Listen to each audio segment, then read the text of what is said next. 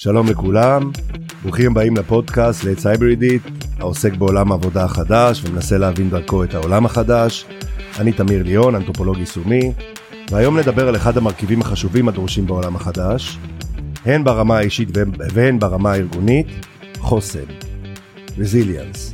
חוסן מוגדר כך, קיים לחץ סביבתי, העולם השתנה, הארגון מפסיד המון כסף, מישהו מעצבן אותך, פוטין פלש לך למדינה, מגפה עולמית מתחדשת עליך, דוגמאות אגב שהמצאתי כרגע, והארגון כמו האדם נדרשים לייצר שתי פעולות, התמודדות, coping, והסתגלות. החדשות הטובות, לפחות לפי הפסיכולוגים, שחוסן ניתן ללמד, זאת יכולת נרכשת ולא מולדת, כך שניתן לשפר אותה מאוד. ברמה האישית אתה יכול לישון מעט יותר, להיות שעתיים ביום מחוץ למבנה, לפגוש יותר חברים, להוריד זמן מהרשתות החברתיות, אבל איך נבנה החוסן הארגוני?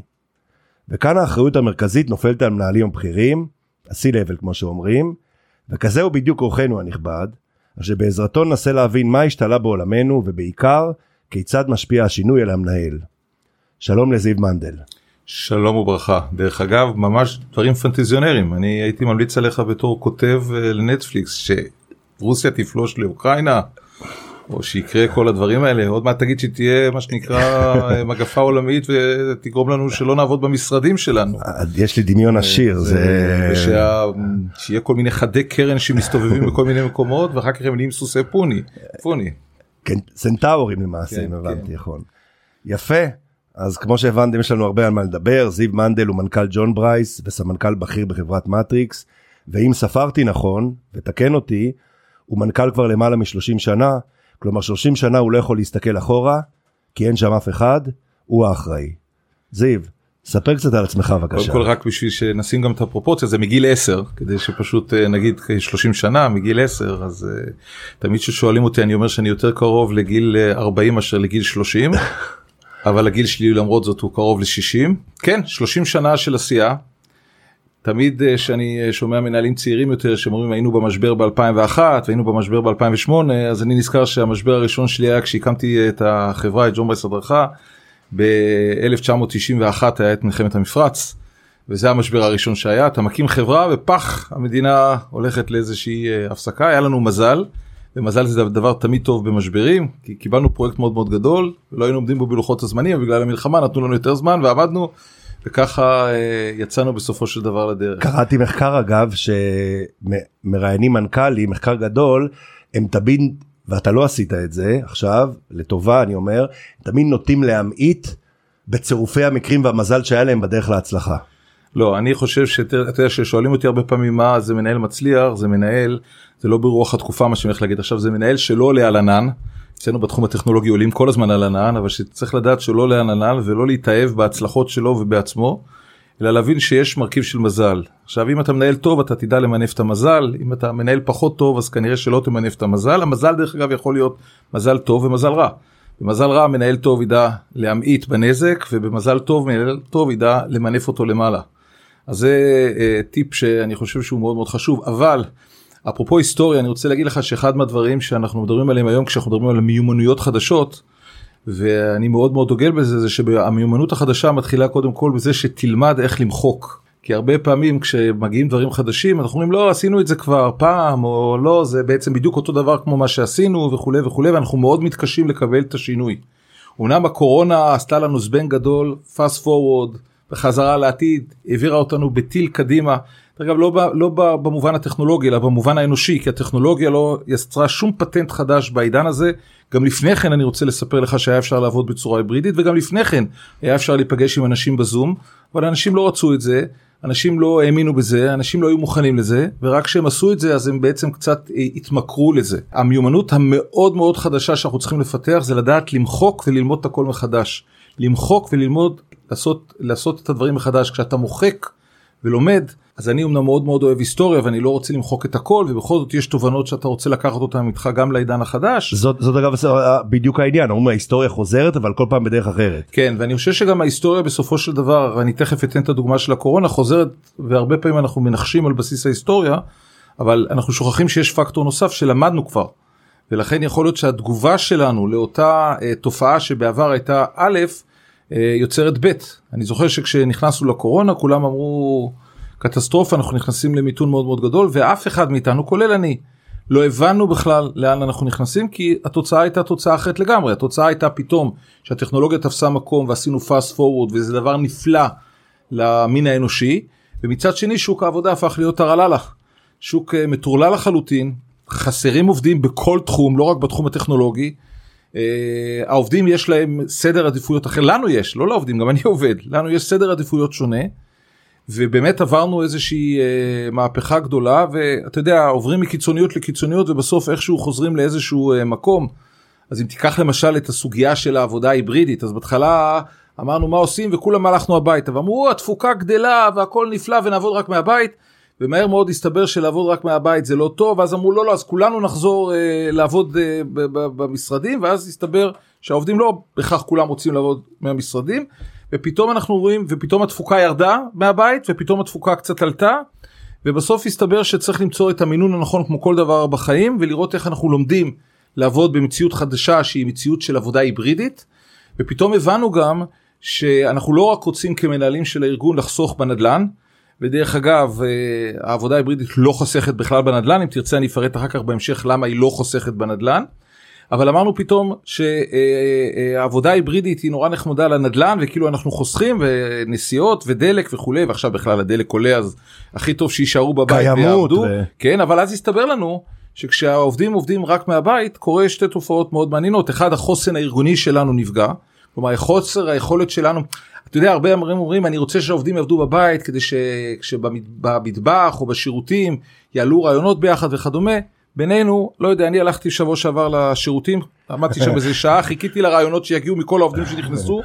מעבר לזה שכולם אמרו לי אהלן מה נשמע כל אחד נכנס לתא או כל אחד הלך אה, בשקט ורחץ את הידיים לא היו רעיונות. אז זה לא הסוגיה הזאת של אגב מייקרוסופט מצאו אצלהם שבמצב ההיברידי או מצב שעובדים סליחה רק מרחוק רק מהבית שהתפוקה עולה היצירתיות יורדת כי היצירות באה מהאינטראקציות. נכון אבל אבל אותי מה שמעניין קודם כל שהעובדים יגיעו ושאני אגיע למשרד זה שיש יש את האנרגיה שלה ביחד ויש לי גם את היכולת לייצר אחידות ולייצר. uh, מה שנקרא גאוות יחידה הרבה הרבה יותר טובה כשאנחנו נמצאים בבית קודם כל סליחה כשאנחנו נמצאים במשרד אנחנו הולכים לדבר על זה נכון ולכן הנושא של החוסן הארגוני הוא לא פחות חשוב שאנחנו מדברים עליו למשל על העבודה ההיברידית. מצד שני אפשר לייצר חוסן ארגוני יותר גדול כשאתה עושה את ההיברידי. כלומר חלק מהזמן בבית אבל חלק מהזמן אתה נותן לבן אדם אה, לעבוד מהבית. אתה יודע אחד מהדברים שצריך להבין כשאנחנו מדברים על עבודה היברידית זה שהחוזה בינינו ובין העובדים החוזה בין הארגון ובין העובדים הוא חוזה חדש. והוא קודם כל מבוסס על משהו שתמיד אמרנו שאנחנו רוצים אותו אבל זה היה די מטבע לשון ולא משהו אמיתי וזה אמון בין הארגון לבין העובד. הרבה מנכ"לים אומרים לי רגע אבל הוא עובד בבית איך אתה יודע שהוא עובד? אולי הוא בכלל יצא לקניות? אולי הוא בכלל לקח לסיבוב את הילד לחוגים? ואני אומר שני דברים. קודם כל אני מאמין בעובדים שלי ואני מאמין שהם ייתנו את התפוקה וייתנו את העבודה. דבר שני אין לי שום בעיה שעובדים שעובדים אצלי בבית מדי פעם ההפך אני מעודד זה רק מחזק שאני ארגון שנותן את זה שהוא יקפיץ את הילד ל... או הוא או היא יקפיצו את הילד לחוג ילכו לרופא אם הוא לא מרגיש טוב, יעשו את הקניות, אני משוכנע שבגלל שזה עבודה בבית, שמתחילה בדרך כלל אצל מי שעובד בבית כבר בשבע בבוקר, ויכולה להימשך עד שמונה תשע בערב, אני בטוח שבאמון שביני ובין העובדים את התפוקה הם יעשו ואת השעות הם ייתנו, וזה סבבה לי שחזרנו קצת למה שהיה פעם, כמו בעידן המערה, שכל המשפחה הייתה יום שלם ביחד, ולא במשחק, אלא האבא עבד, האמא עבדה, הילדים שיחקו. אז גם היום זה קורה בבית כשאנחנו בזום, וזה סבבה וזה מצוין. כלומר, מה שאני מנסה להגיד זה שהתקופה הזאת נותנת לנו כמנהלים הזדמנויות אדירות, אבל אנחנו צריכים לפעמים למחוק תפיסות ולפתוח, לפתח בעצם אה, סיסטמה, סיסטמה ושיטות חדשות. אנחנו כמובן חייבים כל הזמן ללמוד מהכישלונות הקטנים שיש לנו, ולמי שאין כישלונות הוא בסטגנציה למי שאין כישלונות הוא לא מעז למי שאין כישלונות אין בו חדשנות. שמעתי אותך אומר, אומר פעם שאתה מחפש עובדים כישלונות. נכון אני מחפש עובדים שנכשלו וממשיכים לנסות כי כמה שהם נכשלו אני בטוח שהם הרבה יותר הצליחו. וכמה שהם נכשלו אני בטוח שיש להם הרבה יותר תובנות והרבה יותר אה, אה, יכולת הלאה להתמודד עם כל מיני אתגרים ועם כל מיני קשיים ואלה סוג, סוג העובדים שאני מחפש גם עובדים שמעיזים ושוברים את תקרת הזכוכית גם עובדים שהנושא של כישלון לא מרתיע אותם כי הם יגיעו לאזורים חדשים וגם עובדים שנכשלו ולמדו מהכישלון. דרך אגב עובד שכל הזמן נכשל ונכשל זה עובד שגם יודע להתאושש מהר מכישלון ולהגיע חוסן. לדבר הבא ויש לו בעצם את החוסן אתה יודע כשלוקחים ספורטאי ושואלים איך יודעים שבן אדם הוא ספורטאי אז המדד זה שאחרי שהוא רץ נגיד עשרה קילומטר למחרת הוא יכול לרוץ עוד פעם עשרה קילומטר והוא לא מפורק עכשיו שבוע. זה אומר שהוא בכושר. מנהל ועובד מוצלח זה אחד שאתמול נכשל וכבר אתמול התחיל את הדבר החדש. הוא לא עשה מזה דרמה האנרגיה שלו לא ירדה הוא אומר אני ממשיך הלאה אין שום בעיה. נכשלתי למדתי את מה שצריך ללמוד עצרתי את הכישלון בזמן שזה גם נקודה חשובה כי ברגע שאנחנו הופכים את הכישלון לדרמה אז אתה יודע לא רוצים לעצור את זה עצרתי את הכישלון בזמן ורצתי ורצתי הלאה לדבר הבא עם תובנות קצת מהדבר הקודם כדי להגיע בסופו של דבר להצלחה ובסופו של דבר שמנסים מצליחים. אתה יודע ש, שפעם אה, עשינו איזה כתבה הנושא של הכתבה היה האם דברים מההייטק בניהול חודרים גם למקומות שהם לא הייטק למשל הממשלתי הציבורי וכולי. אני אמרתי דעתי לא אבל לא משנה אבל אז נצטרכנו לשאול את השאלה מה זה הייטק וההגדרה של הרבה אנשים שמתוך המערכת אמרו את מה שאתה אמרת עכשיו בהייטק לא מפחדים להיכשל. לומדים ממשיכים הלאה יזם סיפר לי אחד שמכר כמה חברות לגוגל ועבד בגוגל גם סיפר לי האמריקאים גם עושים הכל טקסים שהוא ראה את אחד מה, משני הבוס לגוגל נכנס עם בקבוק שמפניה אמר אני רוצה לחגוג את הכישלון שלנו עשינו הכל הם עשו איזה פרויקט ולא הצלחנו בוא נחגוג ונמשיך הלאה. זה, זה תפיסה נכונה אבל אני ברשותך לא רוצה להשתמש במושג הייטק אני רוצה להשתמש במושג טכנולוגיה. 100%. כי יש אה, טכנולוגיה בשני מקומות יש טכנולוגיה בהייטק ובסטארט-אפים ויש טכנולוגיה בכל ארגון כל ארגון יש גופי מערכות מידע גופים של חדשנות יש הרבה מאוד אה, טכנולוגיה ולשאלה שאתה שואל האם התפיסות עולם של עולם הטכנולוגיה שבאות לידי ביטוי גם בהייטק ובסטארט-אפים וגם בעולם מערכות המידע מחלחלות לתוך הארגונים התשובה היא חד משמעית כן. אני אתן לך אפילו תפיסה שצמחה מהעולם שלנו תפיסת האג'יליות זריז וגמיש תפיסה שבאה ואומרת אנחנו לא זמישות, רק זמישות נכון אנחנו לא רק מתנגדים לשינויים אלא אנחנו מובילים שינויים. אנחנו עושים בעצם עם השינויים את מה שצריך כדי לשנות את הארגון וכדי לעלות לגל הבא והתפיסה הזאת התחילה מעולם פיתוח התוכנה מהצורך לעשות הרבה מאוד שינויים בצורה מאוד מהירה אבל היום האג'יליות היא משהו שנתפס כתפיסה ארגונית כמתודה ארגונית שאיננה קשורה בהכרח לעולם פיתוח התוכנה או לעולם הטכנולוגיה אלא לכל פרויקט ולכל עשייה. אני חושב שגם תורת ניהול הפרויקטים שחלקה וחייבים גם לתת להם קרדיט הגיע מעולם התשתיות והנדל"ן אבל גם עולם ניהול הפרויקטים של עולם התוכנה נתן הרבה מאוד אה, תובנות איך צריך לעשות ומה צריך לעשות מבחינת מתודות וזה חלחל בעצם אה, אה, לגבי אה, לגבי כל הארגון. כך גם אה, אה, אה, כמובן כל מיני תפיסות אחרות מחלחלות כל הזמן אתה יודע שאנחנו בעבר דיברנו על חוויית לקוח דיברנו על מסע לקוח כלומר זה עולם הלקוחות והיום אנחנו מדברים על חוויית עובד ומסע עובד והיום אנחנו מדברים גם על חוויית מועמד במסע המועמד כלומר אני כן חושב שיש פה איזשהו חלחול. אני חושב שגם הטכנולוגיה ואי אפשר אה, אה, להימנע מזה בעצם מהותה משנה את הדברים. זאת אומרת העובדה שאני ואתה מדברים ואנחנו לא עושים וואטסאפ או אנחנו לא מסתכלים היא עובדה מפתיעה. אבל אני מוכן להתערב איתך בלי שאני מסתכל שמי שמקליט אותנו פה הטכנאי שיושב פה שאנחנו נגיד לו אני מקווה גם תודה בסוף בטוח שהוא יושב על הוואטסאפ עכשיו ומסתכל. זה משהו שאני לא הסתכלתי אני צודק דרך אגב? לגמרי. לגמרי אבל זה בסדר זה טבעי לחלוטין. דרך אגב גם התפיסה הישנה שאומרת אי אפשר לעשות מקביליות אפשר לעשות מקביליות. המקביליות כמובן דורשת צורכת מאיתנו הרבה מאוד אנרגיה. כל אלה שוב פעם תמחק ותראה. בעידן החדש עם הטכנולוגיה והזום וכדומה אנחנו כל הזמן עושים מקביליות. אני חייב לעצור אותך ולהגיד לך שכאילו אני מתעסק גם מחקר מוח אני חייב זה משחרר שם שטח שהורג חומר שהורג אותנו כשאנחנו עוברים ממקום למקום. התברר שזה לא נכון. אוקיי. שהמוח לא מסוגל לעבוד על שני דברים במקביל אומרים שעבודה במקביל זה בלוף של המאה ה-20 עדיין והמוח מפצה זאת אומרת הוא חייב. אה, לשחרר אלא אם כן זה פעילות שנכנסת לגמרי למצב אוטומט כמו רכיבה על אופניים ועוד משהו אוקיי אבל אם לא ממש רואים ומה שהדור הצעיר יודע לעשות כנראה יותר טוב זה מעבר מהיר ברור, בין, בין זה, משימות זה מה שרציתי להגיד אבל לך. זה מה שהמוח עושה הוא פשוט עובר מהר. כשאני דיברתי על מקביליות דיברתי על מקביליות של משימות לא אמרתי בהכרח שיש לי שני CPU בראש. זה בכלל לא ההגדרה. אמרתי בסופו של דבר אני יודע לעשות את הסוויץ' ובשעה שהייתי יושב בפגישה לא בזום אז היית יושב ומרוכז בבן אדם אולי היית עובד קצת בוואטסאפ. היום כל מי שיושב בזום ומבחינתי זה גם לגיטימי זו טעות לבוא ולהגיד חברה אני רוצה שתהיו רק כל הזמן. אנחנו יושבים אנחנו יושבים בישיבה ובחלק מהזמן המנהל שיווק זה רלוונטי לו ובחלק מהזמן זה לא רלוונטי לו עכשיו אתה יכול לבוא ולהגיד לו לא אני רוצה שאתה תקשיב ואתה יכול לבוא ולהגיד לו וואלה ההפך תנצל את הזמן תעשה את הדברים האחרים כשיהיה נסב תשומת לבך ונחזיר אותך לדיון או כשנגיע לחלק שלך. כשאני דיברתי על מקביליות לא דיברתי על parallel uh, computing כי אין לנו באמת יש לנו אחד. כמה CPUים בראש אבל כמו שאמרת זה ה-CPU האוטומטי וה-CPU שחושב אבל כן יש לנו היום את היכולת לעשות מקביליות ברמת המשימות כלומר אנחנו יכולים בשעה מסוימת לעבור ולעשות מגוון מאוד רחב של משימות ולרפרף אחת מהשנייה זה לדעתי כן צורך. איזשהו אני מרגיש מאוד עייף שאני עושה את הדברים האלה לגמרי. אני מותש מזה אני בטוח שזה משהו פיזיולוגי ולא משהו פסיכולוגי זה גם תרגול אה, אנשים אה, צעירים מסתבר אה, עושים את זה עם פחות אנרגיה נכון בסדר ו, ו, אבל למרות זאת יש את זה יש את הנושא של המקביליות ואני מאמין מאוד מאוד גדול בנושא של המקביליות. ואני אומר עוד פעם תשים לב אני גם מאמין שכשאני יושב בישיבות זום אם מישהו כל אחד מהעובדים שלי החליט שהוא עושה משהו אחר. במקביל כי זה לא זה אני נותן לו את האמון שהוא יודע לקבל את ההחלטה נכון ואם אני חושב שדרך אגב בנקודה הזאת אני כן רוצה את האטנשן אז אני אדע לבוא ולהגיד חברה אני מבקש עכשיו את תשומת הלב.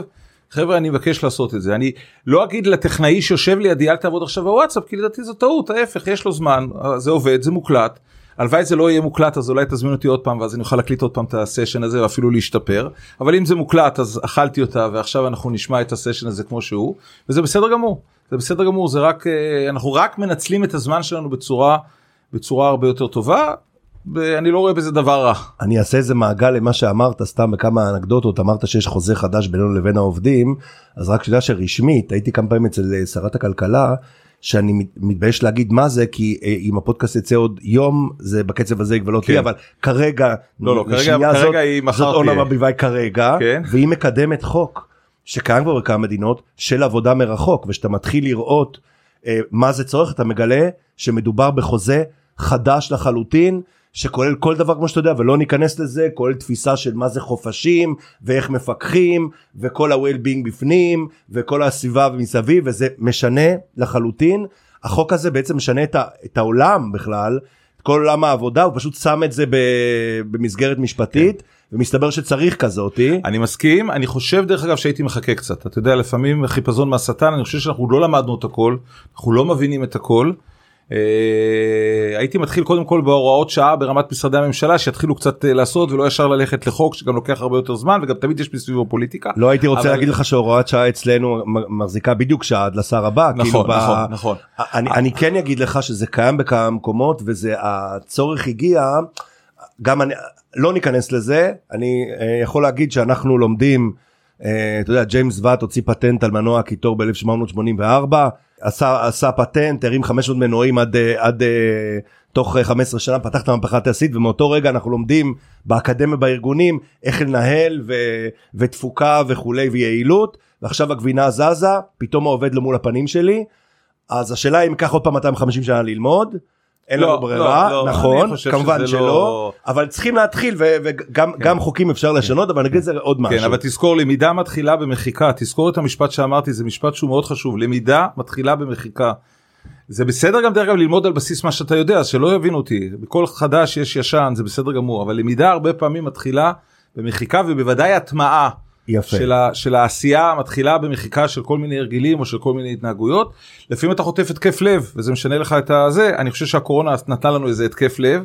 אתה יודע למשל אני אתן לך דוגמה בעולם שלנו בעולם הטכנולוגיה רוב ההשקעות היו ב, ב, ביצירה של טרנספורמציה דיגיטלית בין הארגון לבין הלקוחות שלו ופתאום ואף אחד לא השקיע או לא השקיעו מספיק בטרנספורמציה דיגיטלית בין הארגון לבין העובדים שלו כי אמרו העובדים יושבים פה מה אני צריך טרנספורמציה דיגיטלית. מעולה. שכל העובדים פתאום עפו הביתה פתאום ראו שהמערכות שמקשרות בין הארגון לבין העובדים לא קיימות או קיימות בצורה כזאת שאי אפשר לעשות הרבה מאוד דברים. והיום מלא פיתוחים היום מלא פיתוחים לכן כל עולם ה-HR Tech וכל עולם ה-collaborations הפנימי הפנימי ארגוני בעצם אנשים מבינים שצריך לייצר גם את הטרנספורמציה הדיגיטלית בין הארגון לבין העובדים וגילו דבר נוסף שהטרנספורמציה הדיגיטלית הזאת מעבר לזה שהיא מושכת עובדים שעובדים בחברות כאלה זה יותר כיף להם וכו' היא הרבה יותר יעילה היא הרבה יותר נעימה. אתה יודע אני אה, אה, אומר שאנחנו בתור מנהלים אנחנו תחנות הדלק של, ה, של, ה, של העובדים שלנו כלומר העובדים מגיעים עם טנק דלק מסוים. ובמהלך היום שמעתי אותך אומר שאתה מנהל אנרגיות. אתה לא מנהל אנשים אתה מנהל אנרגיות. כן, אני מנהל אנרגיות. אתה יודע זה ההבדל בין המנהל של פעם למנהל של היום. המנהל של פעם שתי מאפיינים היו למנהל של פעם. המנהל של פעם היה בא נותן הנחיות לעובדים שלו ובודק שהעובדים ביצעו את מה שצריך ומטפל כמובן במקרי קרייסס כאלה או אחרים. היום המנהל קודם כל צריך לייצר ערך לעובדים שלו. הוא לא רק נותן משימות ובודק שהם מבצעים אלא כשהוא נותן את המשימות כשהוא עושה את הבקרה הוא צריך לייצר ערך. מי שלא ייתן ערך לעובדים שלו העובדים שלו לא יישארו. מי שלא יצמיח את העובדים שלו העובדים שלו לא יישארו. זה פן אחד.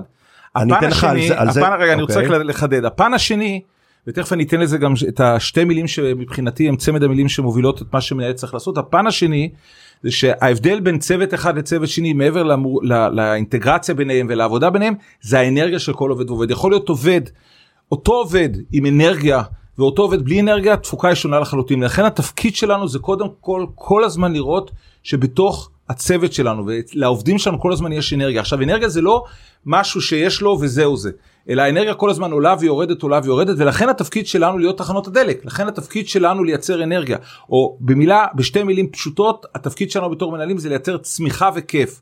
צמיחה לארגון שלנו צמיחה לעובדים שלנו צמיחה לסביבה שלנו וכיף זה אנרגיה. לייצר כל הזמן אנרגיה וכשאני מזהה שעובד אין לו אנרגיה אני צריך לראות להבין את, את גורמי המוטיבציה שלו. יש בדרך כלל שלושה ארבעה חמישה שישה שבעה אלמנטים שמשפיעים על המוטיבציה ואני צריך לדעת ללחוץ על כפתורי המוטיבציה שלו כדי למלות אותו בדלק מחדש. דרך אגב כל עובד יש לו אחד יש לו 95 אחד צריך דלק גרעיני אחד על פחם ואחד על אנרגיה חלופית. כל אחד אתה צריך לזהות את המקור לדלק ומה סוג הדלק שאתה צריך לתת לו. ותזכור דבר אחד נוסף. אתה יודע כשיצאנו לקורונה הזאת של השנתיים לפני הקורונה אני לא יודע אם אתה זוכר היינו לפעמים נוסעים למדינות אחרות על המכשיר הזה שנקרא מטוס. ואחד מהדברים שתמיד היה מעצבן אותי בטיסות זה ההתחלה אתה עולה על הטיסה ואז יש את הסרטון המעצבן הזה כאן פתחי החירום וזה תמיד הייתי אומר אוי ואבוי זה בטוח פעם המטוס נופל אבל זה היה מעצבן כאן כי זה חוזר וחוזר. רגע, בתקופת הקורונה אני ממש התגעגעתי לסרטון הזה הורדתי אותו ביוטיוב מדי פעם שרציתי להיזכר איך טסים הייתי שם את זה כזה ושם את זה ביוטיוב אבל למה אני מספר לך על הסרטון הזה כי בסרטון הזה יש קטע נורא אכזרי. בסרטון הזה יש קטע שפתאום מפחיד אה. ואכזרי פתאום יורדות כל המסכות ואז המניאקים האלה תסלח לי שעשו את הסרטון אומרים לאימא תשימי קודם כל אצלך את החמצן ואחר כך על הילד ואני אומר מה הם לא אנושיים זה צורם לי קודם כל פעם דואגים חדש. לילד ולא לזה אבל למה זה וכמובן שזה ברור לכולם כי אומרים קודם כל שהאימא תנשום כדי שהיא תהיה יכולה אה, אה, להיות אה, תקין, אה, אה, אה, פעילה מה שנקרא ואז לטפל בילד. אותו דבר אני רוצה להגיד עלינו על תחנת הדלק. אנחנו תחנת הדלק של העובדים שלנו אבל חשוב מאוד לדאוג שאנחנו גם כן נהיה בתחנת דלק מלאה. כי אם לנו אין אנרגיה לעובדים שלנו לא יהיה אנרגיה. אז כיף וצמיחה זה לא רק סיסמה לעובדים שלנו אלא זה סיסמה גם לעצמנו. זה משהו שהוא מאוד מאוד מאוד חשוב. עכשיו הכיף והצמיחה קשור מאוד מאוד כי אנשים אומרים רגע אבל דיברו בהתחלה על חוסן. מה הקשר בין חוסן לכיף וצמיחה? חוסן מתחיל בזה שאתה מייצר נרטיב ו-DNA בארגון של כיף וצמיחה. וזה מייצר חוסן מאוד גדול. זה מייצר גם כתוצאה מזה את האמון וזה מייצר כתוצאה מזה את היכולת שלנו לייצר את העבודה ההיברידית. עבודה היברידית שהיא מייצרת תפוקה מדהימה. גם בבית אתה ביותר בתפוקה כי שם אני לא מפריע לעובד אני מאפשר לו לעבוד בשקט אני מאפשר לו לעשות את המשימות שלו אני מאפשר לו לא להיות ב micro management שהישראלים מתים על זה שזה אחד מהדברים אחד מהחולאים הכי גדולים של ארגון שכל הזמן עושים אה, כל הזמן יושבים על, על הראש של הבן אדם אדם לא יכול לעבוד כי כל הזמן שואלים אותו מה עשית? למה לא עשית? כן עשית תעשה תעשה תעשה תעשה תעשה. אז זה בבית הוא יכול לעשות אבל מצד שני כשהם באים לארגון אתה ממלא אותם בדלק נוסף, אתה מייצר את האינטראקציה, אתה מייצר את הצמיחה, וזה משהו שהוא מאוד מאוד זה מאוד מעניין חשוב. מה שאתה אומר כי אתה אומר בעצם עכשיו אני בבית אני עובד בבית ואני ככה הדמות של המנהל עולה בתודעתי כל הזמן כי אני עובד וזה עושה לי וייב חיובי אז זה נותן לי גם מרחוק אתה יודע אני אתן לך את זה יכול לעולם אחר לגמרי עשו פעם מחקר אצל אה, שאלו אה, אנש, צעירים נוער בגיל 15 כזה בעולם למה שכולם לקחו סמים באיזשהו מקום אתה לא לקחת. ואלה והתשובה שלי לא אמרו כאילו בתודעה שלו עלתה חשבתי על אימא שלי או אבא שלי זה איזושהי דמות שצפה לו שבכלל לא הייתה איתם ושינתה לו את ההתנהגות להבדיל אתה אומר הבן אדם בבית אני עולה בתודעתו אני good good vibe נתתי לו זה הוא עכשיו יעבוד בשבילי גם שהוא לא לידי. נכון, כי, אני, כי אתה נתת לי, כי נתתי, נתת לי באמון ואני אצדיק את האמון הזה. דרך אגב, אני לא לקחתי סמים כי בתודעתי על המכשיר הפוליגרף של הצבא, של הסיווג הביטחוני, כל אחד מעלה דברים אחרים, אז עד היום לא לקחתי סמים. אז אני אגיד לך משהו קודם כל נראה לי שאתה על סמים טובים כל כל ב... לפחות בפודקאסט הזה. באנרגיה האנרגיה היא בסדר לא צריך סמים בשביל להיות באנרגיה טובה. לגמרי לגמרי. מספיק שיש לך תחנת דלק טובה יש לי כמה תחנות דלק טובות הבת זוג שלי היא תחנת דלק טובה הילדים שלי אני אוהב מוזיקה מסוימת אני אוהב שירים צרפתיים אני נכנסים ביוטיוב ופתאום אתה יודע יש את המקצוען של ז'אן פול בלמנדו אני שם את המוזיקה הזאת וזה עושה לי אה, כן כן כן כן זה עושה לי אתה יודע כל אחד יש לו את ה... הוא נפטר לא מזמן כן נכון? כן כן הוא נפטר. יום עצוב כן. כן אבל אבל בגדול זה הוא זה עושה לי אה, אנרגיה אז כל אחד יש לו את, את התחנות אנרגיה שלו וכל אחד יש לו את הדברים שעוזרים לו לעשות אני למשל ב, אתה יודע יש שאלונים שאתה ממלא אז בשאלון שמילאתי על עצמי כי, כי חשוב גם ללמוד על עצמך חשוב ללמוד על, ה, על העובדים שלך על הסביבה שלך מה סגנון התקשורת שלך מה סגנון התקשורת של הסביבה ולהתאים את עצמך לסביבה וגם ללמוד את עצמך אז אני לימדתי למשל שכשאני נותן שירות זה ממלא אותי. ואני באמת מחפש כל הזמן את המקומות שבהם אני יכול לתת שירות ובהם אני יכול בעצם לעזור לסביבה וכדומה. זה מה שממלא אותי.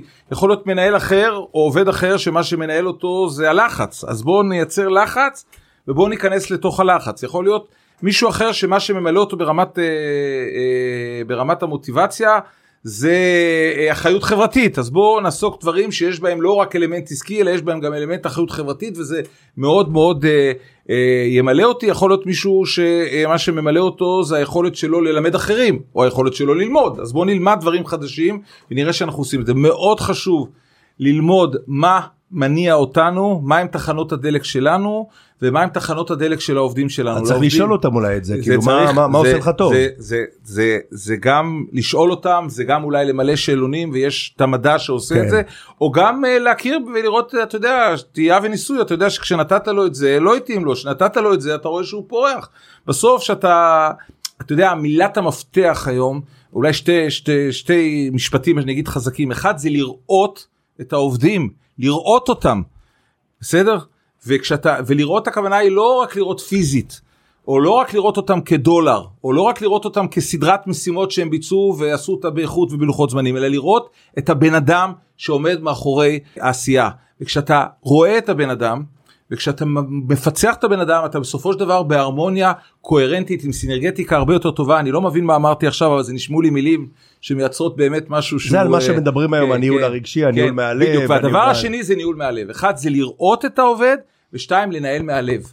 וכשאתה מנהל מהלב על אמת כי זה אי אפשר לבלף אתה יודע זה משהו שאי אפשר לבלף שאתה מנהל באמת מהלב שאכפת לך מהסביבה שאכפת לך מהקהילה שאכפת לך מהעובדים שאכפת לך מהלקוחות שאכפת לך מהאנשים אז מעבר לזה שאתה בן אדם אתה בסופו של דבר מייצר את המנהיגות הכריזמטית שאנשים הולכים איתך ואנשים הולכים איתך גם אם הם עובדים מרחוק וגם אם חלק מהימים הם לא איתך.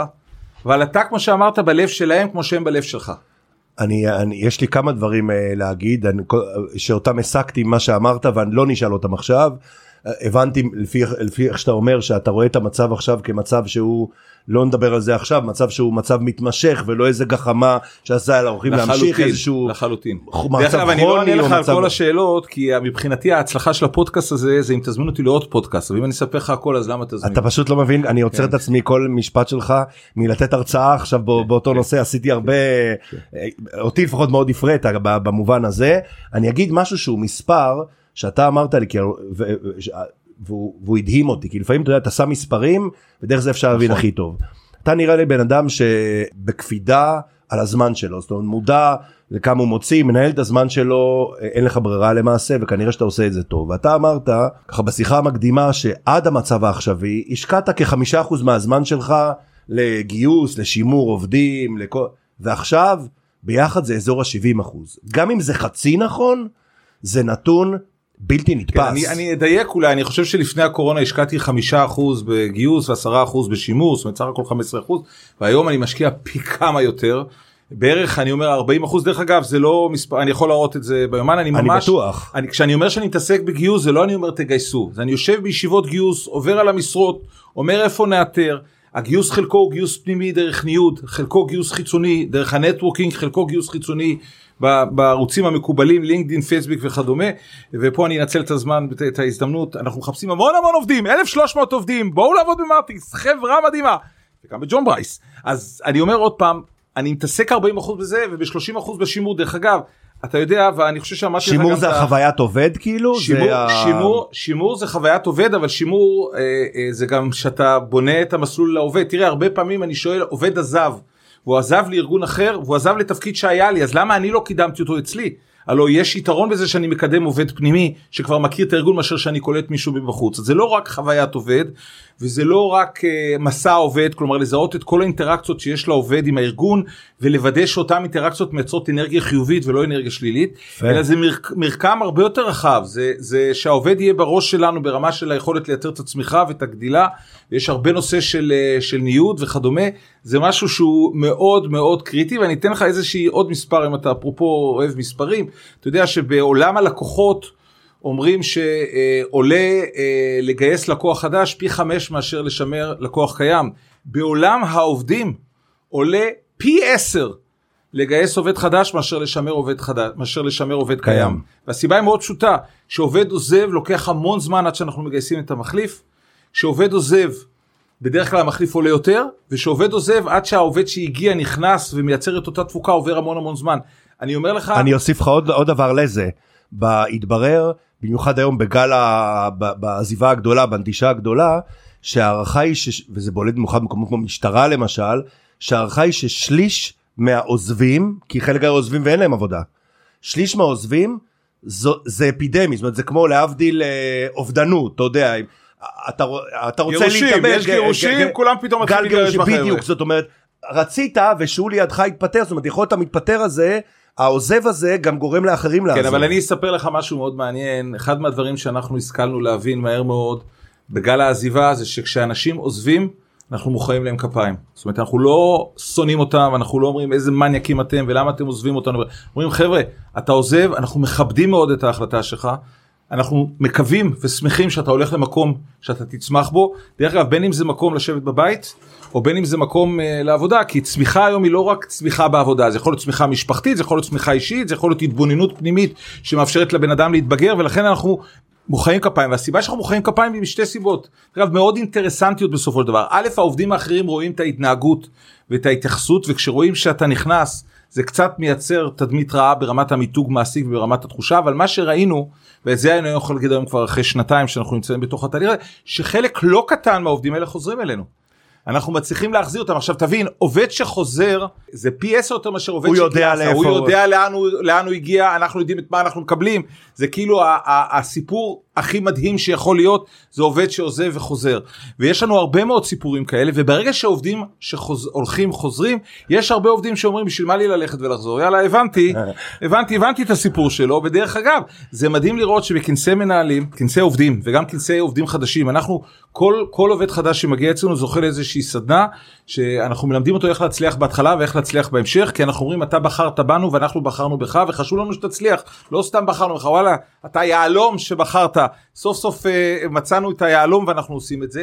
ואחד מהדברים היפים בפורום האלה שהרבה פעמים כשאנחנו עושים סבב עובדים אומרים אני חזרתי וחבר'ה אל תעזבו פה את המקום כי אני אומר לכם 1 2 3 4 והם הנותני אה, פידבק הכי טובים שיכולים להיות ולכן הנושא הזה של העזיבה גם כן צריך לדעת לנהל אותו זה עוד מיומנות חדשה שאנחנו בארגונים חייבים לדעת לנהל אותה כמו שעושים onboarding צריך לעשות און ליבינג וגם את זה לדעת ל- זה, לנהל. זה מדהים, אתה יודע, כשהייתי צעיר, היה סדרת ספרים מנחם תלמי, תמונות יפואיות. כן, ברור. והייתי מכור לזה כנראה. אתה היית צעיר שאני הייתי כבר מבוגר זה לא לא סתם בצחוק. הייתי מכור לזה כי אה, נראה לי גם כאנתרופולוג כי כילד שגדל בכרמל של אז ככה שכולם זה אז זה היה סביבה ושפה שלא הכרתי בכלל והיה שם סיפור אני זוכר את הכל בעל פה אגב והיה שם סיפור על, אה, על אחד שהוא כל פעם מתגרש ומתחתן אבל עם אותה בחורה. שש פעמים הם כל רבים מתעצבנים נכנסים לקריזה הולכים מתעוללים חוזרים ושש פעמים הוא התחתן עם אותה בחורה והם לא יודעים מה לקנות לו אז אתה בעצם הפכת בזה חיים אה, מחדש זאת אומרת אפשר להתחתן עם אותו עובד שוב ושוב ושוב כן. ושוב וההפך כאילו אני ההיכרות היא הרבה יותר טובה הוא מבין בדיוק לאיפה הוא נכנס גם אנחנו מבינים את הוא- מה אנחנו הוא- מקבלים. הוא בחר נכון נכון בפירוש. אני חושב שזה בהחלט אה, מציאות חדשה שאנחנו אה, אנחנו נמצאים בה אבל כל אחד דרך אגב רואה את הספרים שלו. אני אה, בילדות הייתי קורא צ'יפופו ואחד מהדברים שאהבתי בצ'יפופו זה שבאמת היה הולך מעבר לפתרון התעלומה. אה, ואני בהחלט בתור מנהל מרגיש שכל הזמן אני פותר תעלומות כי כל הזמן מגיעה אה, מציאות חדשה אז צ'יפופו אם תזכור היה במצרים והיה במקסיקו וכל פעם אני מרגיש שאני נכנס לעולם חדש. שבעצם אני צריך להכיר תרבות חדשה. אני חוקר תרבויות, אתה, אתה, אני, כן, זה מה שאני אני עושה. אומר עוד פעם, אני, אני חובב צ'יפופו, אתה יודע, יש את הצ'יפופו קופיקו, אני צ'יפופו.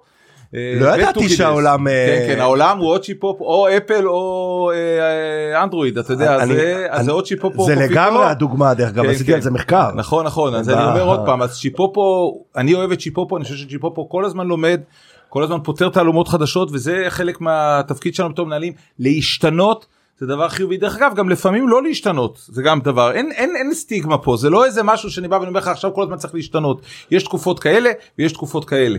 אני מדבר איתך פה עכשיו אתה מנהל בכיר כבר הרבה שנים. אנחנו יודעים היום ככה המחקר העכשווי שהעולם החדש עבודה מרוב וכולי עיקר העומס נופל על מנהלי הביניים מה שנקרא אוקיי על הזה ו- וחלקם ממש קורסים זאת אומרת כי הם לקחו את, את עיקר התיק עליהם. אז אני רוצה לשאול אותך שאלה על איך אתה מנהל מנהלים. זאת אומרת איך אתה האם זה אותו כן. באמת היבט של האנרגיה. תראה, זאת אומרת שהיא עוברת. כן, אה, אני, חושב שהתפקיד שלי בתור אה, מנהל שמנהל מנהלים זה להצמיח את המנהלים ובין היתר לייצר איזושהי דמות שהם יכולים לחקות אותה ואני לומד מהם והם לומדים ממני. אבל אני חייב לציין שאני קצת אה, שונה. אני אה, לפני הרבה שנים קראתי את, אה, הספר שדיבר על העולם השטוח.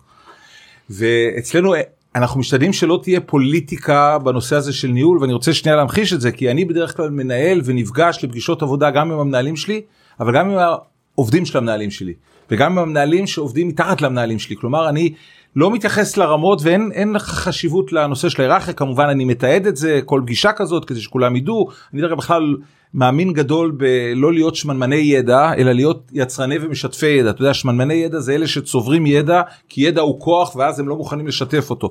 אני אומר שאני יצרן ידע אני כל הזמן מנסה לייצר ידע חדש ותפיסות חדשות ועשייה חדשה אבל לא פחות חשוב גם להתמיד לעשות דברים בהתמדה כי כל ההתחלות קשות אך ההתמדה קשה מהם. ועצם זה שאני מייצר ומשתף מחייב אותי כל הזמן לייצר ידע חדש כדי להיות רלוונטי וראוי. ולכן אני חושב שיש עומס על המנהלים אני כמובן רואה אותו אני מנסה לתמוך בו ולפעמים באמת אני לוקח אליי חלק מהעבודה בתור מנהל ואני לא אומר אתה צריך לנהל אותם.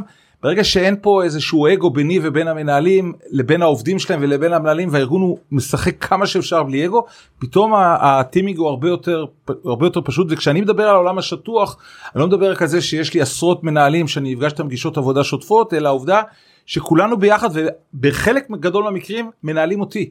אני אומר לעובד אתה תנהל אותי אני משאב בשבילך אתה אה, אה, תיקח אותי יש לי רק בקשה אחת.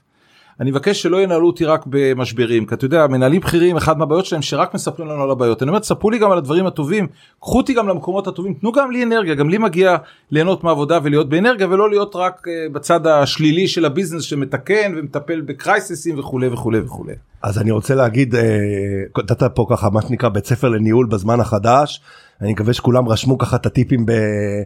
מכיוון שהטכנאי ש... שלנו שלום אה, המסור יצא יצא מהוואטסאפ וסימן לנו כבר שאנחנו ככה בסוף? כ- אבל אני חייב לשאול אותך שאלה. לסיום. רגע רגע לי יש שאלה, לא, לא, אוקיי, אוקיי. אני שמרתי שאלה, אני אוקיי. אגיד על זה, אתה תשאל ואני אשאל. אה, אה, אני אפתיע אותך אבל בשאלה שלי אני כבר עכשיו אומר לך. אני אה, אמרת פרט פשוט בהיסטוריה שלך שאני חייב להבין. אז אז אז אז אני אגיד אבל אה, אני אשאל עוד משהו נושא שצריכים לדבר עליו ואני לא הגעתי אליו היום אתה הרבה שמת פה על המשקל של המנהל. אני שוקל הרבה אז אני שמתי הרבה על המשקל של המנהל. לא אדבר על זה בכלל בעצם המנהל יוצר את הכל והכל ואני מסכים עם זה במיוחד עם העובדים זאת אומרת המשקל עליו אבל אספר לך משהו על הצבא הזכרת צבא פעם. כשאתה רוצה להיות נגד בכיר בצבא אתה יודע בכל זה אתה צריך בין שאר הדברים ללכת לעשות סדרת חינוך שאתה לומד כל מיני כישורי ניהול ואוכלוסיות שונות וכולי. ופעם שהיה לי זמן הייתי מגיע ליום שלם בסדרה הזאת אוקיי? שקורית כל כמה חודשים. היום אני מגיע לשעה וחצי. ביום הראשון היינו מבקשים מה, מהנגדים מכל הצו מכל הזרועות מכל המקומות חלקם מהנדסים חלק, כל הסוגים לרשום שתי בעיות שיש להם בעבודה והיינו שולחים לי את זה ויום רביעי הייתי מגיע מוכן. הפסקנו לעשות את זה. כל הנגדים בצבא אותו סוג של בעיות שכולם אגב מסביב למוטיבציה של עובדים וכל אחד יש לו איזה אחד שהוא חצי ילד שלו זה הנגדים המבוגרים והם משקיעים המון זמן בבן אישי. כמו שאתה משקיע גם לפי הנתונים של האחוזים. זה לא מפתיע כי אני נגד בצבא. אני-. אני רס"ם כאילו אז תן אה, תן אה, אבל תן אתה כבוד. לא הספקת לעבור את הקורס שלי אז אז כדי להשלים עכשיו יפה אני רוצה להגיד אנחנו לימדנו אותם שלפעמים מבחינת משאבים של זמן גם לקחת קצת מהבן אישי שהוא מאוד חשוב וללכת לקחת את החבר'ה שלך ולעבוד על לגבש אותם ביחד. כי אז הם עושים דברים, אתה יודע כל הזמן דיברנו על איך הוא רואה אותך את המנהל, לא בשביל המנהל או בשביל המשימה או בשביל הכל, אלא בשביל אחד בשביל השני. קבוצה שעובד למעשה בלי, בלי, בלי הבוס. ואתה יודע ויש כל מיני רעיונות כאלה אנחנו אגב היום ממש מודדים את זה וכולי ראיתי עכשיו לא מזמן אה, מנכ"ל חברה פה שאמר אני לקחתי 100 עובדים שלי ל off-site לעבוד שבוע בארצות הברית חצי מתוך זה הם עשו התנדבות וזה לדעתו מחבר אותם איך אתה רואה את ה... או איך אתה משקיע בלנסות לחבר את החבר'ה ביחד. טוב, אה? קודם כל אני אולי לא אמרתי את זה אבל. החלום או התפיסה היא שלכל אחד יבנה לעצמו את התחנת דלק וימלא את עצמו לא שאני כל הזמן ממלא ושיהיה מילוי עצמי והדדי. אני אגיד לך בהקשר הזה שלמשל אחד מהדברים שאני זיהיתי שצריך לעשות זה להרוג את להרחיק את הרעלנים. יש בכל ארגון כאלה שהם יונקים את האנרגיה ואני לא רוצה אותם אצלי אני רוצה רק כאלה שמייצרים אנרגיה שאומרים לך כל הזמן זה לא יעבוד זה לא זה בהקשר של מה שאתה שואל התשובה היא מאוד פשוטה זה ההבדל בין ניהול macro management ל micro management. אני לא מאמין ב micro management. אני מאמין ב micro management בנקודות שצריך שאני יכול לצלול למטה ועכשיו כן לעשות micro management כדי לדעת הפרטים אבל לא לעשות micro management כל הזמן. התפיסה בצבא שפעם אמרה אם נתת אה, פקודה ולא בדקת אם התבצעה אז כאילו לא נתת את הפקודה היא תפיסה לא נכונה. היא נובעת חוסר אמון ו micro management. ברגע שאתה עושה macro management ואתה מעביר את המסר לשטח שהם יכולים לבוא אליך. ואתה מדי פעם צולל כך שאתה צולל במקומות שהם, שאתה מרגיש שאתה רוצה להיות או בצורה אקראית אתה מייצר מצב שאנשים לבד מייצרים בעצם את האינטראקציה כי הם מרגישים שנתת להם את האחריות והם צריכים לעשות את זה הם לא פיונים קטנים הם יכולים לקבל החלטות לבד לעשות דברים לבד יכולים להפעיל אותך יכולים לא להפעיל אותך. וכשאתה מייצר את הנרטיב הזה ואת ה-DNA הזה ואת התרבות הארגונית הזאת אז הארגון רץ מהר. ועוד פעם כיף וצמיחה זה משהו שהוא מאוד מאוד חשוב הוא מייצר חוסן מאוד מאוד חזק לארגון וכמו שאמרתי אמון תאמין ולא לא להאמין בעליונות שלך בתור מנהל אלא להבין להיות צנוע בלי האגו להיות בגובה העיניים אתה יודע אה, מוטי גוטמן המנכ"ל של מטריקס אחד מהדברים הראשונים שהוא אמר ב, ב, בימים הראשונים שעבדתי איתו אמר אנחנו בגובה העיניים. אנחנו בגובה העיניים אנחנו מסתכלים אנחנו לא מסתכלים אנחנו לא מתנתקים אנחנו לא מנותקים התחלנו עם כמה מאות עובדים היום אנחנו 11 וחצי אלף עובדים. וואלה. אתה מבין אנחנו מדברים על חברה שהיא giant שצמחה וגדלה אבל היא מורכבת מהרבה מאוד סיירות ובהרבה מאוד יחידות שכל אחת מהן היא כאילו סטארט-אפ או כל אחת מהן היא בעצם אה, אה, כור גרעיני בפני עצמה או אנרגיה חלופית אני מעדיף לא כור גרעיני אלא אנרגיה חלופית שמייצרת לעצמה את האנרגיה ומייצרת לה את, ה, את ה vibe המדהים הזה וכולנו מסתכלים אחד לשני בגובה העיניים אני מאוד מאוד מאמין בזה. אז אני אגיד מה אה, רק אין לנו זמן אני אשאל אותך שאלה שהיא בדרך כלל אנחנו נותנים ככה לפעמים לאורחים לשאול שאלה אותי כדי שלפעמים איזה גישה אחרת אנתרופולוגיה אולי תביא ככה איזה רעיון. אבל אני רוצה לשאול אותך שאלה שעניינה אותי ראיתי שאתם בג'ון ברייס אה, התחלתם אה, לעשות קורסים לנוער. נכון.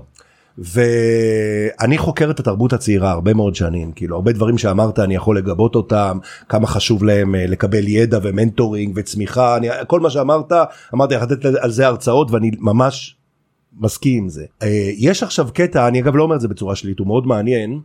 האקדמיה לראשונה ב-800 שנים האחרונות מה שהומצאה בולוניה לא זוכר מצטמצמת בעולם. מספר הסטודנטים מתחיל לרדת כבר כמה שנים והאקדמיה אני מדבר על אוניברסיטאות הסיפור כן, הזה התארים ה-BAMA והסיבה היא שכנראה שהאקדמיה לא מספקת את הסחורה. אוקיי בתקופה של הוריי אם היה לך תואר היה לך עבודה. היום אני יכול לקרוא ברמה האישית כולל דרך אגב אתמול בזמן האחרון יותר שבאים לבקש ממני עבודה כמה פעמים בשנה דוקטורים. אוקיי דוקטורים תמיד יש מצע מצע וכולי. יש עבודות שתמיד יצטרכו אבל אתה רואה את הצמצום. בארץ העם זה אגב דיליי כי פתחו את המכללות כל מכללות כאלה. עכשיו מי שיודע מתאחדות ונסגרות. עכשיו מה קורה היום? היום באים ואני לא אומר את זה לשלילה דווקא אני הולך לשאול אותך שאלה מה קורה אם זה? הבן שלך היה שואל אותך. מה שקרה שבגלל הסיפור הזה שמערכת החינוך בארצות הברית זה יותר חזק ומגיע עכשיו לארץ מתחילה להתפרק ומי מפרק אותה החבר'ה הכי טובים לא בא הילד שלך ואומר לך ואני עכשיו שואל אותך את זה אה, בתור אה, עכשיו בא הילד שלך נגיד שהוא בן 16 וזה קורה עכשיו כל הזמן בישראל ואומר אבא תשמע אני הבנתי את הבית ספר אני יודע קצת אנגלית קצת זה אני לא רוצה להיות סטלן אני רוצה ללכת לעבור קורס בג'ון ברייס לצורך העניין ולהתחיל להתקדם בעבודה. עכשיו עכשיו עכשיו אה, אם יבוא אליי ילד שלי ב- ויש לי ילד דרך אגב שמסיים י' ו- ויגיד לי מה אני אגיד לו חוק חינוך חובה? מה אני אגיד לו אקדמיה? הוא יגיד לי אבא איזה אקדמיה? והוא צודק. עשינו אה, רע- רעיון גדול בפעם ב- ראינו HR עם כל החברות גדולות ואמרו אנחנו כבר לא מסתכלים על התואר לא מסתכלים. אבל ברור שצריך מהנדס צריך מהנדס כן? אבל לא, לא מסתכלים. זאת אומרת שבעצם הם לומדים כל הזמן כמובן זה לא שהם לומדים פחות אבל לא MABA אוקיי? הם לומדים קורסים לומדים דברים כל הזמן ודרך, ודרך זה הם לא מפסיקים ללמוד. אז אני אפתיע אותך. אם הילד שלך בא ואומר לך אבא זה הסיפור אה, ברמה מה תגיד לו? אני אגיד אני רוצה להגיד שני דברים. א' אני אגיד לו ללכת ללמוד תואר.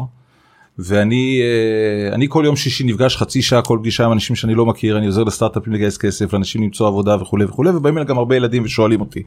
ואני אומר להם קודם כל תלמדו תואר יכול להיות שתלמדו תואר אחרי שתעשו קורס בג'ון ברייס ותתחילו לעבוד ואז תעשו את התואר. יכול להיות שתעשו את התואר ואחרי זה תעשו את הקורס בג'ון ברייס כי צריך את הפרקטיקה ויכול להיות שבמקביל לתואר תעשו את הקורס של ג'ון ברייס הכל סבבה אבל תואר צריך להיות. כי אני חושב שיש איזושהי שפה מסוימת שהאקדמיה מלמדת שהוא מאוד מאוד חשוב אני אומר את זה בתור מישהו שיש לו גם כן תואר ראשון.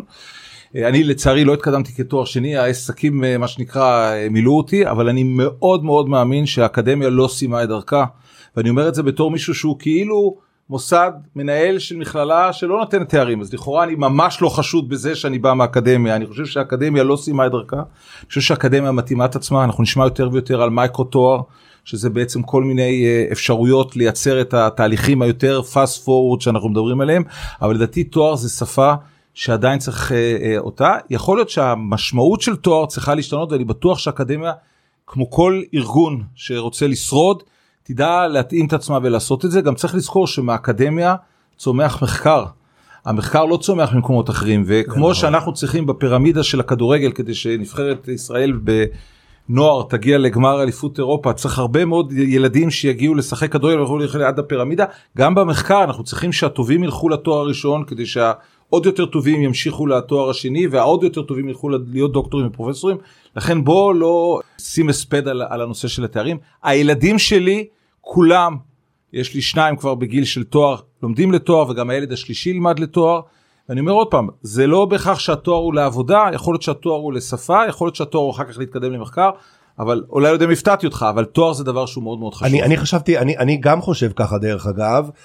אני אוהב דווקא תואר ראשון דרך אגב כן. כי אני חושב שזה איכשהו במיוחד בעולם של היום מסדר את העולם נכון. אחרי זה אפשר לרוץ לבד. נכון נכון זה זה מה שאני אומר לכן אני גם אומר שלי. שגם אם מישהו החליט לבוא לג'ון ברייס ולהתחיל לעשות את המכה ולעשות את האקזיט וללכת לעבוד בהייטק גם אם הוא עשה אצלי לפני התואר שאחרי זה ילך וילמד את התואר תואר זה משהו שהוא מאוד מאוד חשוב. היה בחור בשם אה, אה, קרלו שטרנגר הוא היה אה, באוניברסיטת תל אביב. כתב לפני כמה שנים דמות מאוד יוצאת דופן היה פסיכולוג ויש לו והוא הוא, הוא הקדים את זמנו לפני איזה עשר שנים הוא הוציא, הוא הוציא ספר שהוא לקח עשרה קייסים הוא מנסה להבין את העולם החדש של פסיכולוג דרך עשרה קייסים שהוא ניתח.